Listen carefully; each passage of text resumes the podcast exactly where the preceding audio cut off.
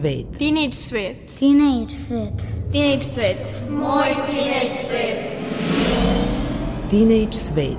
Sa nama krenite u poseban let.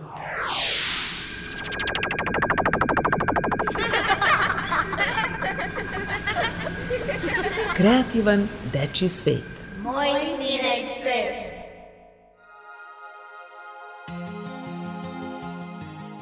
Dragi tinejdžeri, dobar dan. Ja sam Nikola Rausavljević i u narednih pola sata družit ću se sa vama u emisiji Teenage svet. Govorit ćemo o nagradama koje su osvojili subotički srednjoškolci na takmičenjima širom sveta. Čućete šta o tome misle jedna učenica i jedna mentorka. Tu su i naše stalne rubrike koje će vas odvesti u svet poezije i stripa, ali i uputiti na neke činjenice i događaje za koje možda niste znali. Ostanite sa nama.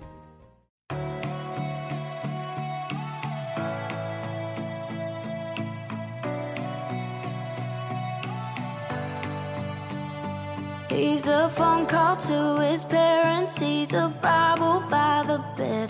He's the t shirt that I'm wearing. He's a song stuck in my head. He's solid and he's steady like the Allegheny runs. He knows just where he's going and he's proud of where he's from. One of the good ones. He's one of the good ones.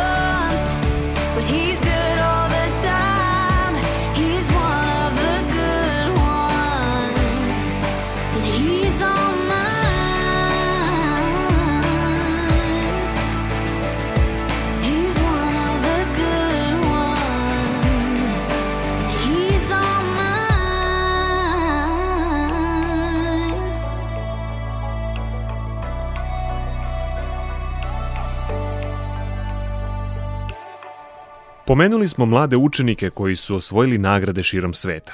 Naime, subotički osnovci i srednjoškolci, polaznici likovne radionice M-Art, tokom proteklih 18 godina svojim crtežima osvajali su nagrade na takmičenjima iz celog sveta, bukvalno.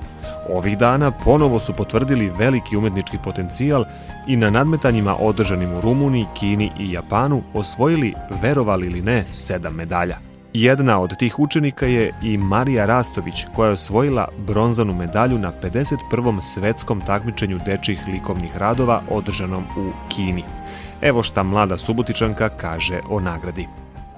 E, ja sam crtala jednu patku u jezeru. E, taj rad nije mi se najviše sviđao i mislila sam da neće baš nešto uraditi na nekom konkursu, ali sada kada sam videla da iz Kine dolazi nagrada, bila sam oduševljena. Osim Marije Rastović, bronzane medalje na svetskom takmičenju likovnih radova u Kini osvojile su i Teodora Gagić i Lidija Uzelac. Na svetskom takmičenju likovnih radova u Japanu, na koji su pristigli crteži iz 45 zemalja sveta, Tamaš Gombaš osvojio je zlatnu, Nika Papac se okitila srebrnom, a Kijara Čepela bronzanom medaljom.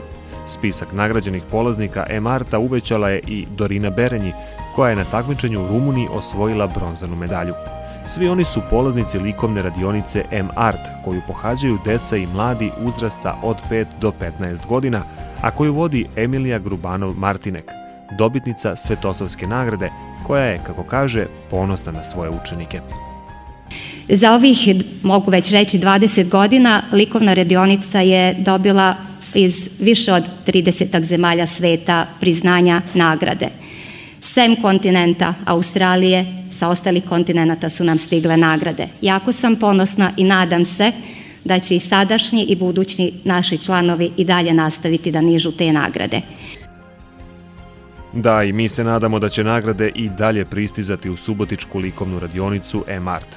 A sada, kako ne bismo gubili vreme, prelazimo na rubriku Bokijevi stripovi, u kojoj će vam autor Božidar Vorgić reći ponešto o Marvelovom junaku Hulku.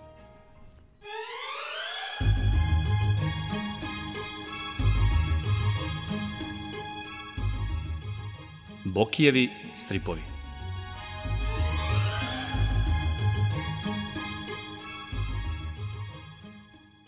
Dobar dan, poštovani slušalci. Danas ćemo u novom izdanju ove rubrike pričati o još jednom američkom strip junaku, Velikom Hulku. Ovaj strip junak se prvi put pojavio u maju 1962. godine u prvom broju stripa Neverovatni Hulk, izdavača Marvel Comics. Stvorili su ga scenarista Stan Lee i crtač Jack Kirby. Lik Hulka osmišljen je po uzoru na lik Frankensteina i gospodina Haydna – Hulkov identitet krije se iza uspešnog fizičara Roberta Brusa Bannera, na izgled običnog naučnika i pronalazača.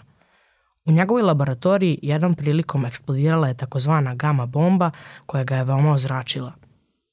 Posle određenog vremena, Bruce se zbog radijacije transformiše u veliko snažno čudovište nadrealne snage i zelene kože.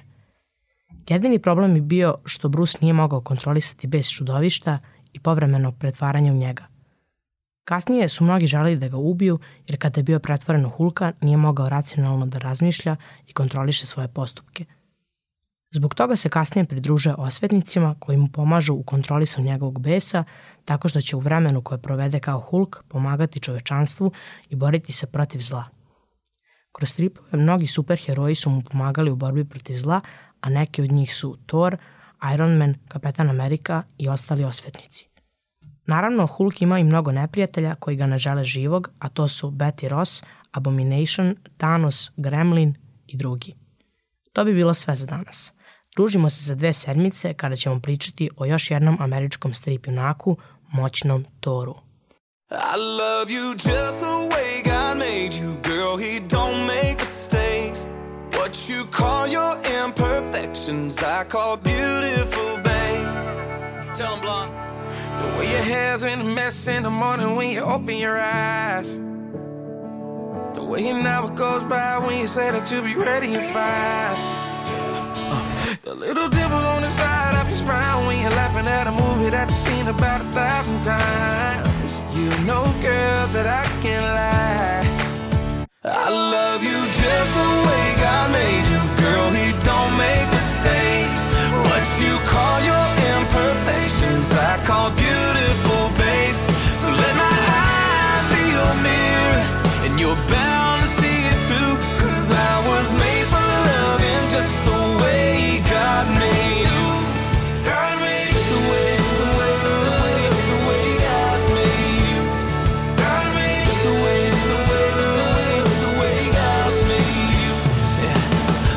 in your cheeks when you're mad, but you say that you're not.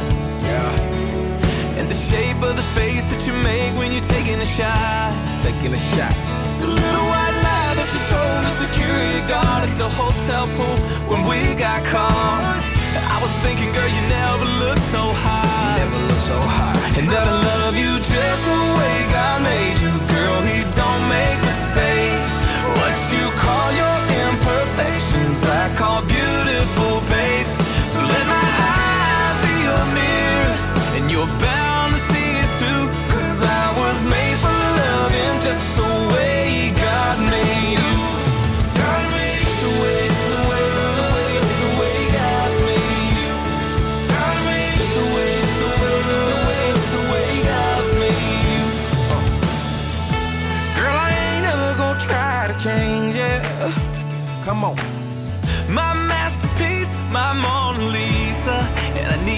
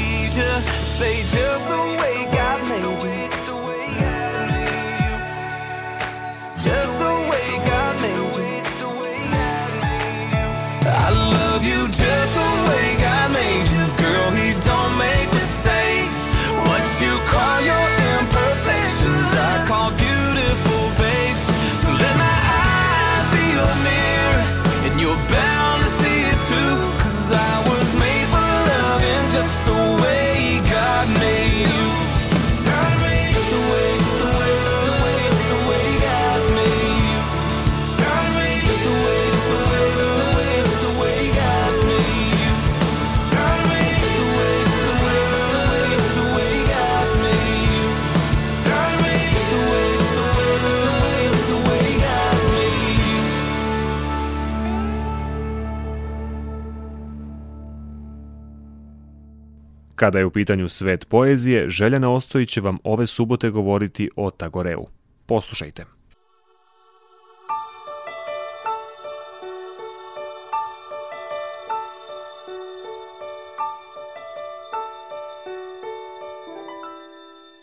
Svet poezije.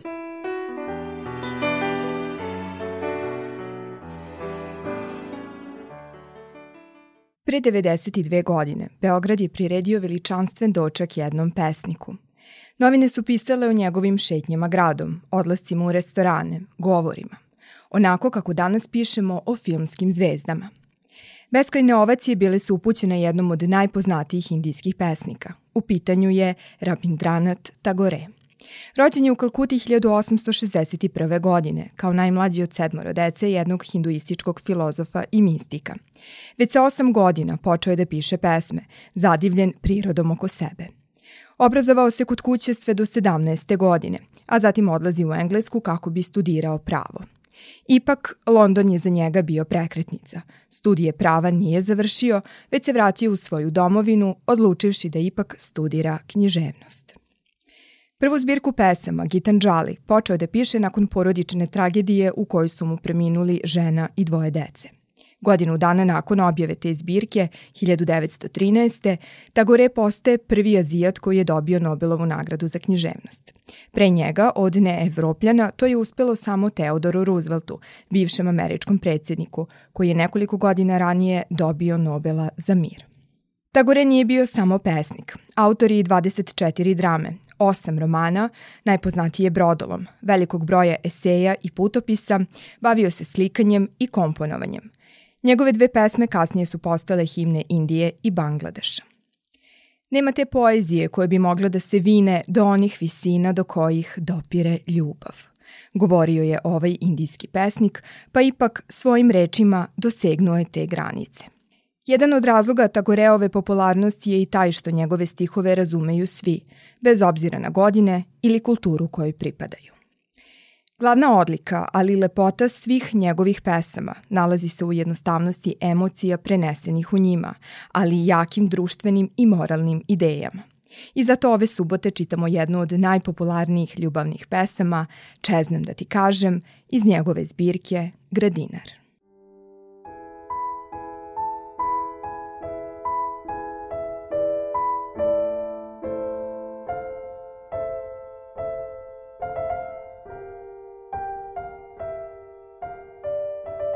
Čeznem da ti kažem najdublje reči koje ti imam reći. ali se ne usuđujem, strahujući da bi mi se mogla nasmejati. Zato se smejem sam sebi i odajem tajnu svoju u šali. Olako uzimam bol svoj, strahujući da bi to mogla ti učiniti. Čeznem da ti kažem najvernije reči koje ti imam reći. Ali se ne usuđujem, strahujući da bi mogla posumnjati u njih. Zato ih oblačim u neistinu i govorim suprotno onome što mislim. Ostavljam bol svoj da izgleda glup, strahujući da bi to mogla ti učiniti. Čeznem da upotrebim najdragocenije reči što imam za te. Ali se ne usuđujem, strahujući da mi se neće vratiti istom merom. Zato ti dajem ružna imena i hvalim se svojom surovošću. Zadajem ti bol, bojeći se da nećeš nikada saznati šta je bol. Čeznem da sedim nemo pored tebe, ali se ne usuđujem, jer bi mi inače srce iskočilo na usta. Zato brbljam i ćaskam olako i zatrpavam svoje srce rečima. Grubo uzimam svoj bol, strahujući da bi to mogla ti učiniti. Čeznem da te ostavim zauvek, ali se ne usuđujem, strahujući da bi mogla otkriti moj kukavičluk. Zato ponosito dižem glavu i dolazim veseo u tvoje društvo.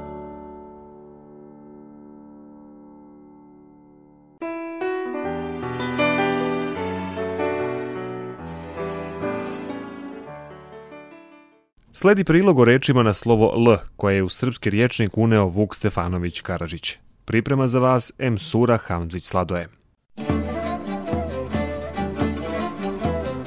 Danas ćemo govoriti o rečima na slovo L. Prva reč o kojoj ćemo nešto reći je lagum. Ona bukvalno znači mina, a označava i potkopani deo, podzemni hodnik, nešto kao podrum. Ja se bojim, dragi gospodaru, nas će Turci lagumom dignuti. Drugo značenje Vuk objašnjava ovako. U Srijemu u brdu iskopan podrum za vino. Sljedeća reč je lončić, zanimljiva zbog svog drugog značenja. Naime, prvo bi bilo deminutiv imenice lonac, a drugo naziv djetinje igre. Evo kako je ona objašnjena u Vukovom riječniku. Velike djevojke posjedaju malu djecu, pa više svakoga stane po jedna. Onda jedna koja nema lončića dođe komu djetetu i metnuvši mu prst na glavu pita Pošto vino vanovo, po petak, po šestak. A kad ona koja stoji više djeteta odgovori Poto ti ga ne dam, onda potrči jedna na jednu, a druga na drugu stranu, oko djece, pa koja prije dotrči k djetetu, ona je lončić, a ona ga druga sebi opet tako traži dalje. I naredna reč je zanimljiva zbog svoje višeznačnosti. Ona glasi lomiti. Lomiti se može hleb, drvo, a u današnje vreme najčešće se koristi u slavskom obredu.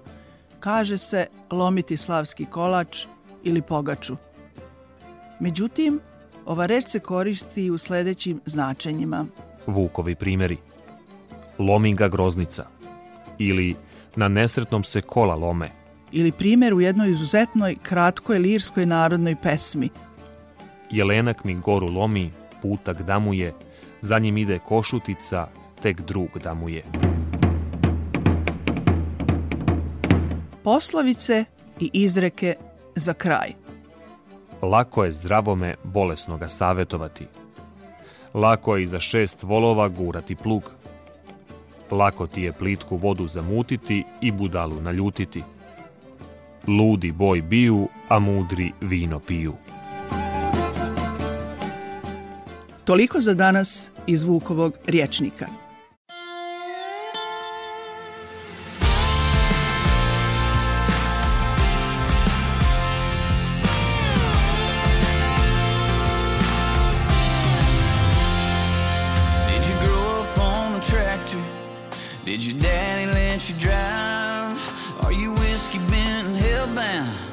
even though your mama tried. Did you cruise down a back road with your Dixieland line? Are you on a Chattahoochee on a barefoot blue jean?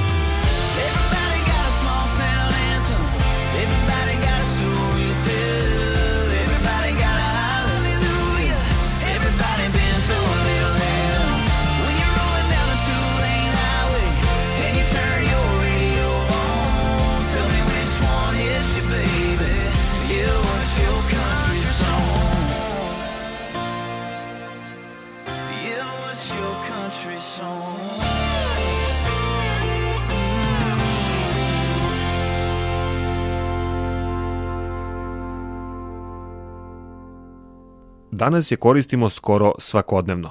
Međutim, znate li kako je nastala web kamera? Poslušajte rubriku ITT koju priprema Bojan Vasiljević.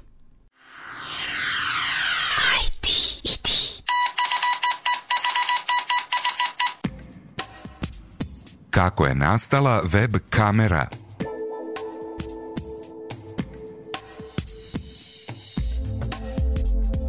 Web kamera je uređaj koji puno ljudi svakodnevno koristi kako bi bili u kontaktu sa porodicom i prijateljima. U početku je bila skup dodatak za računar, a danas je i najjeftiniji telefoni posjeduju, pa i po više kamera na jednom uređaju. Naime, naučnici sa univerziteta u Cambridgeu bili su u različitim delovima zgrade i morali su da pređu puno stepenica i kroz različite hodnike do sobe za odmor. I tamo bi ih često sačekala prazna posuda aparata za kafu. Strašno. Nehotice su napravili web kameru davne 1991. godine, a motiv tog revolucionarnog otkrića krije se iz aparata za kafu. Jedan iz ekipe naučnika tog vremena, Quentin Stafford Fraser, objašnjava nam kako je to izgledalo. and I was part of a group that was working on um, multimedia over computer networks. U to vreme bio sam u grupi koja je radila na mogućnostima multimedije preko mreže. Networking standards were still being developed. Standardi su se tek razvijali. Nismo znali da li možemo putem mreže da emitujemo u boji, kojom rezolucijom, koliko sličica u sekundi. How higher quality, how much color can you get? Could you do broadcast quality video over computer A to je značilo da smo u okruženju imali različite multimedijalne igračke, kamere, mikrofone, razne stvari. Fun bits of multimedia multimedia kit. Lying around in a way that really wasn't very common at, at the time. Ali ono što je veoma važno za jedno istraživanje je dobar dotok kafe. That's a good flow of coffee. Trebala nam je kafa da ostanemo skoncentrisani kada radimo. You know, time Imali smo taj neki očajan aparat za kafu. Delilo ga je nas 15-oro. awake uh, A ako ostane neko vreme u aparatu, kafa je naročito loša. S obzirom na to da smo imali kamere koje se mogu povezati s računarom, što je tada bilo veoma redko, Uperili smo jednu kameru u posudu kafe aparata. Kolega je napisao program koji je beležio sliku svakih desetak sekundi, ne znam, možda i brže, a ja sam napravio aplikaciju koja je sliku veličine ikonice držala u uglu ekrana, pa su ljudi mogli samo da pogledaju i znaju da li se isplati kretati nekoliko spratova niže po svežu kafu. Downstairs or around the corner or whatever to get to get a fresh cup. Prva web kamera imala je rezoluciju svega 128 puta 128 piksela, a slika je bila crno-bela. Ali što je najvažnije, bila je sasvim dovoljna da se vidi da li u aparatu ima svežeg napitka.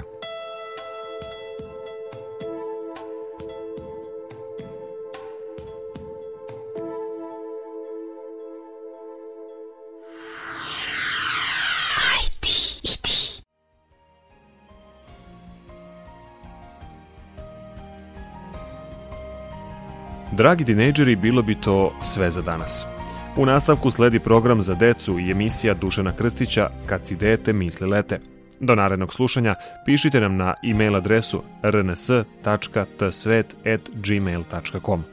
Ako želite ponovo da poslušate emisiju, to možete učiniti na sajtu rtv.rs u odeljku Odloženo slušanje. U realizaciji današnje emisije učestvovali su Božidar Vorgić, Željana Ostojić, Emsura Hamzić Sladoje i Bojan Vasiljević. Autor emisije Mirjana Petrušić, muzički urednik Maja Tomas. Emisiju priredio, vodio i tonski obličio Nikola Rausavljević. Čujemo se ponovo za dve nedelje, a do tad ne zaboravite, svet oko vas je onakav kakvim ga vi učinite. If all of the kings had their queens on the throne, we would champagne and raise a toast to all of the queens